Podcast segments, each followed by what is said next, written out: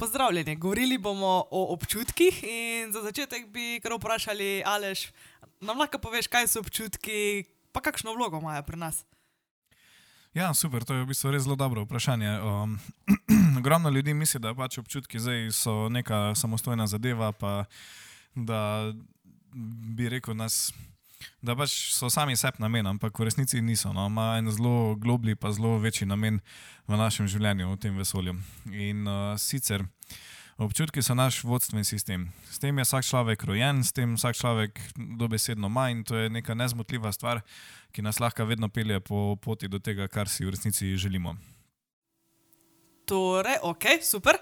Zdaj omenil si, da so občutki vodstven sistem. Um, nam lahko malo več poveš o tem, ker najverjetneje jaz jih ne dojemam ravno tako. Ja, um, vse to je čisto razumljivo, ker nam nihče ni v bistvu tega razložil, kako to funkcionira in kaj občutki so. Ne? Ampak v resnici je to GPS sistem. Zdaj, če si predstavljate, ne?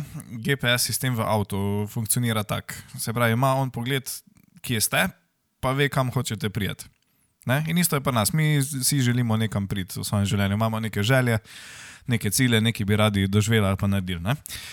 In uh, se pravi, da imate vi zdaj nek svoj uh, GPS satelitski sistem, ki točno ve, kje ste vi zdaj v tem trenutku, pa kam hočete priti. In na podlagi občutkov vas lahko usmerja. Zdaj, kako v bistvu občutek funkcionira? Vedno je občutek vezan na neko misel. Uh, in če je misel, ki jo mi držimo v mislih, se pravi v fokusu, če je usklajena s tem, kar mi želimo, se pravi na podlagi tega tudi privlači to našo izkušnjo, uh, potem bomo mi čutili dober občutek. Se pravi na stopni od plus ena do plus sto, kar se tiče dobrega feelinga. Uh, če pa se mi s fokusom ubadamo z nečim, kar ovira prihod uh, tega, kar si želimo, pa bomo pa mi čutili nek negativni občutek. Se pravi, nam bo naš navigacijski sistem javljal, da smo zavili v napačno smer. In da vse, kar moramo narediti, je, da samo prilagodimo smer, v katero potujemo. Ne? Takrat pa pač začutimo od minus ena do minus sto uh, jakost negativnih občutkov. Ok, zanimivo, super. Uh, omenil si torej, ja, da se moramo počutiti, oziroma če se počutimo dobro, dobro smo na poti našim ciljem, torej željenim stvarem, če se pa počutimo slabo, pa se od njih oddaljujemo. Uh, nam lahko poveš, kako pa lahko nadziramo to, da, da se vedno počutimo dobro in smo torej vedno na poti do naših ciljev? Ja, uh, tukaj bi jaz zelo izkoristil eno stvar, da bi povedal, da v bistvu vedno, čist vedno, brezpogojno se dobro počutiti, uh, ne zahteva tega od sebe, ker noben človek na svetu ni sposoben 100-odstotnega fokusa. In uh, jaz sem opazil, da doskrat pri ljudeh to nastane pol dobesedno ta pritisk pozitivnosti, in če tega ni, da pol nastane strah in ogromno, bi rekel, enih travm iz tega izhaja. Um, ampak ja, dajte delovati v tem, da se boste počutili čim boljše. No. Zdaj, vsak občutek je vezan na neko misel, ki jo imate v tistem trenutku. In uh, če se počutite dobro, pogledajte, kaj razmišljate, pa razmišljite več o teh stvarih. Če se počutite pa slabo, pa se tudi ustavite in pogledajte, kaj v tistem trenutku razmišljate. In boste vedno videli, da brezpogojno, brez napake boste razmišljali o nečem, kar v resnici vi ne bi radi doživeli. Vedno takrat, ko se slabo počutite, bodo vedno, vedno vaše misli usklajene s tem, kar vi ne želite doživeti. To, to lahko kar zelo že začnete probavati, pa raziskovati, pa se pa res povabim. No. Ok, super. In kaj lahko naredimo takrat, ko se počutimo slabo, da pač pridemo do tega, da se pač počutimo boljše. Torej, veliko se zalotimo, oziroma da smo vem, v jezi, depresiji ali žalosti ali karkoli na tej na negativni strani. In kaj lahko naredimo mi sami, da se začnemo počutiti boljše? Ja, uh, tole je zelo dobro vprašanje. V, bistvu, uh, v tem, kar bom zdaj povedal, leži praktično vsa vaša moč ustvarjanja svojega sveta, pa svoje izkušnje. In uh, gre pa na tem, v vsakem trenutku imamo mi izbiro, kaj bomo razmišljali. Se pravi, ni to zdaj položeno v našo glavo, čeprav včasih se zdi, da kakih misli ne moramo dati kar ven. In to je tudi res. Ja. To bomo sicer nekaj drugič govorili, ker tle so pač v zadnji delujejo neke sile. Ampak v resnici pa imamo vedno, vedno možnost izbire. Ne? Ampak to izbiro je pa zdaj treba razumeti. Ne? Če ste vi recimo specifično negativni. Se pravi, da se ukvarjate s točno določeno neko negativno zadevo, z nečim, kar ne želite doživeti, ali pa nečim, kar negativnega se vam je že zgodilo, ali pa se vam dogaja v tem trenutku. Ne? Zdaj, vi ne morete kriti v specifično pozitivno, da boste kar naenkrat videli vse, uh, kako se vam to spelje. Zato, ker v tistem trenutku je to za vas praktično nemogoče. Ne? Kar pa lahko naredite, je pa to, da v bistvu svoj pogled malo posplošite. Da se dvignete, jaz temu rečem, stop dva koraka nazaj, pa pogledaj celo situacijo. Ne? In boste videli, da ne morete zelo kar skočiti v pozitivni občutek, ampak lahko pa skočite iz face negativnega v mal manj negativnega. To pot pa lahko naredite. In ta dostop imate vedno. Ne? In pa, ko ste v manj negativnem, pa spet ponovite to, da greste še malo bolj na splošno in tako dalje, dokler ne prijete nekje v ravnovesje in pa lahko začnete v pozitivno graditi. Super. Um, če izpostavimo tole, kar smo slišali, uh, v, v, veliko govoriš o povezavi med občutki in mislimi. Uh, kaj je zdaj dejansko glavno, na kaj imamo vpliv, kaj pogojuje, kaj, kakšne so tukaj povezave med tem dvema? Um, ja, povezava je v bistvu v tem smislu, da, okay, da razumemo samo ene par konceptov, zelo povedal, uh, ki držijo praktično za vse ljudi, brez uh, izjem. Uh, se pravi, misli ustvarjajo naš svet. To, kar mi razmišljamo, to, kar mi oddajamo, to prihaja pol nazaj. Um, če si predstavljate, ko vržeš uh, recimo kamen v vodo, v nek mirni ribnik, uh, ustvariš valove s tem. Ne? Recimo, isto ustvariš svojo mislijo, ko ti poščeš misel ven, ustvariš valove. In če boš gledal, bo prišlo ogromno enih valov nazaj, ko si ti kamen otvrgal v tisto, je, tisto jezero, vodo. Um, isto je pa pol v vesolju. Se pravi, ko mi neko misel oddamo, se začne veliko enakih takih stvari vračati nazaj v naše življenje. In uh, občutki so pa tukaj zato, da nam povejo, ali smo mi s to mislijo poklicali nekaj željenega ali pa neželenega, samo za to se gre.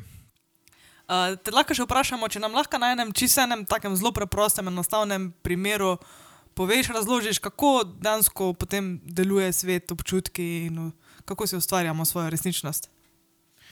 Uh, ja, v bistvu, če si predstavljate, da smo ljudje radijski oddajnik oziroma radijski sprejemnik. Ne? Vsi veste, da če na radio nastavite frekvenco 91,8, boste slišali tisto radijsko postajo, ki se oddaja na frekvenci 91,8. In uh, isto je pa z našimi mislimi. Ko se mi ukvarjamo z neko stvarjo, ali je to prisotnost ali odsotnost nečesa, kar želimo, smo mi oglašeni na to radijsko frekvenco in takrat bomo mi to radijsko frekvenco slišali, takrat bomo mi v življenju to videli. In uh, To hkrati ne pomeni, da se nobena druga radijska postaja ne oddaja, če mi tega ne slišimo. Ne? Kar pomeni, če vi recimo v življenju želite doživeti neko obilje, ki ga zdaj le nimate, pa tudi če boste gledali okrog sebe, ga nikjer ne boste videli, oziroma tudi če boste videli, se vam ne bo zdelo dostopno.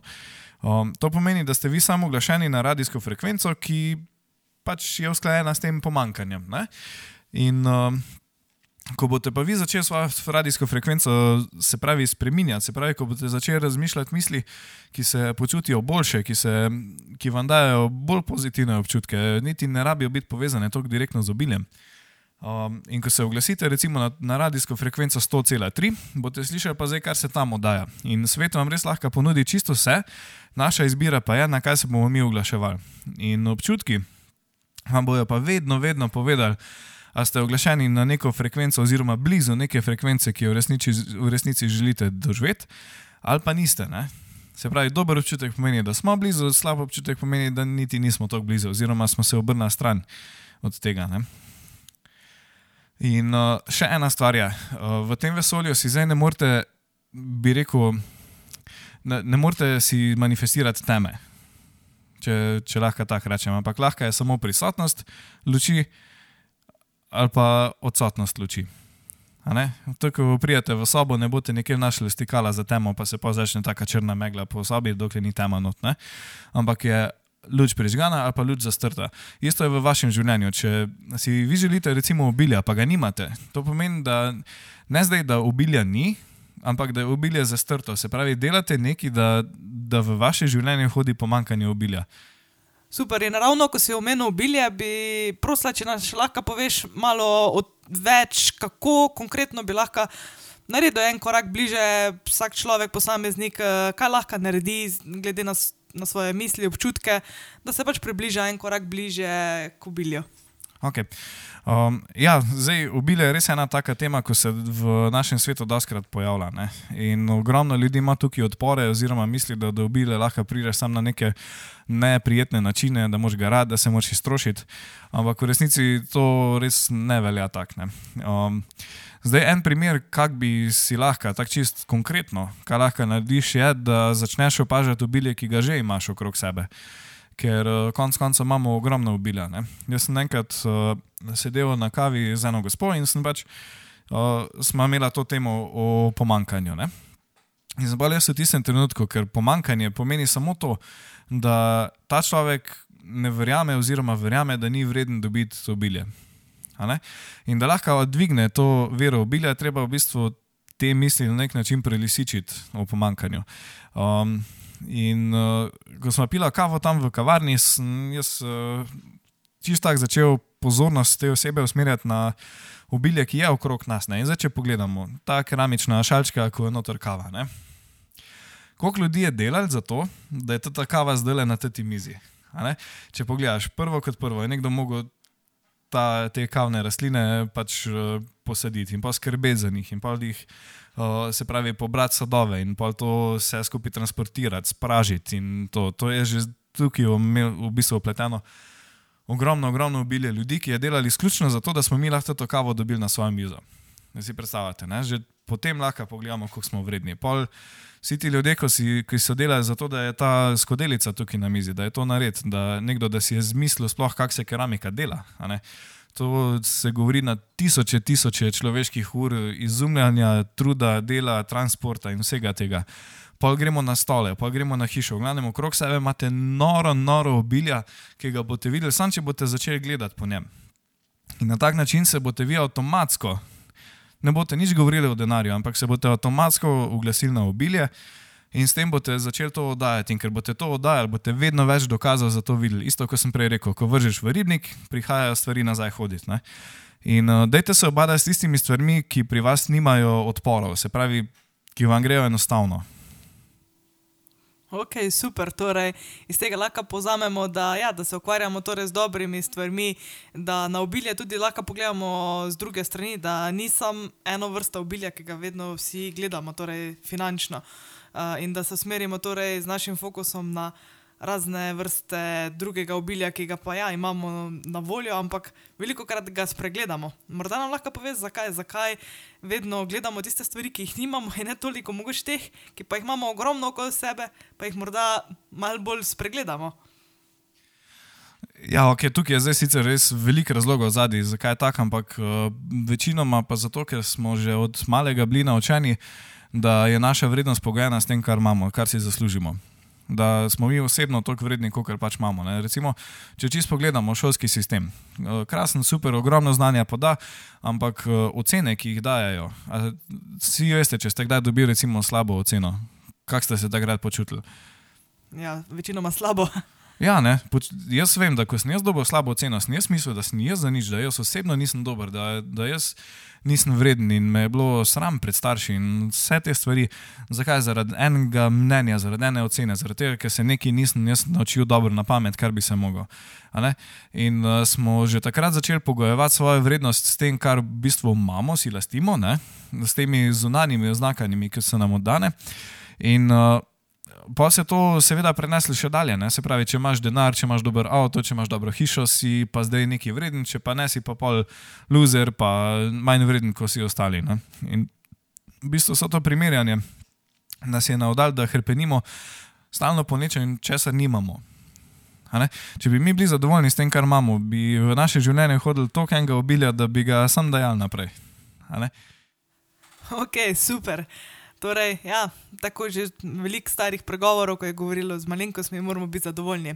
In super, s tem bomo zaključili tale posnetek. Uh, vabimo vas, ko gledamo drugih posnetkov, drugih tem in se slišimo. Hvala. Hvala.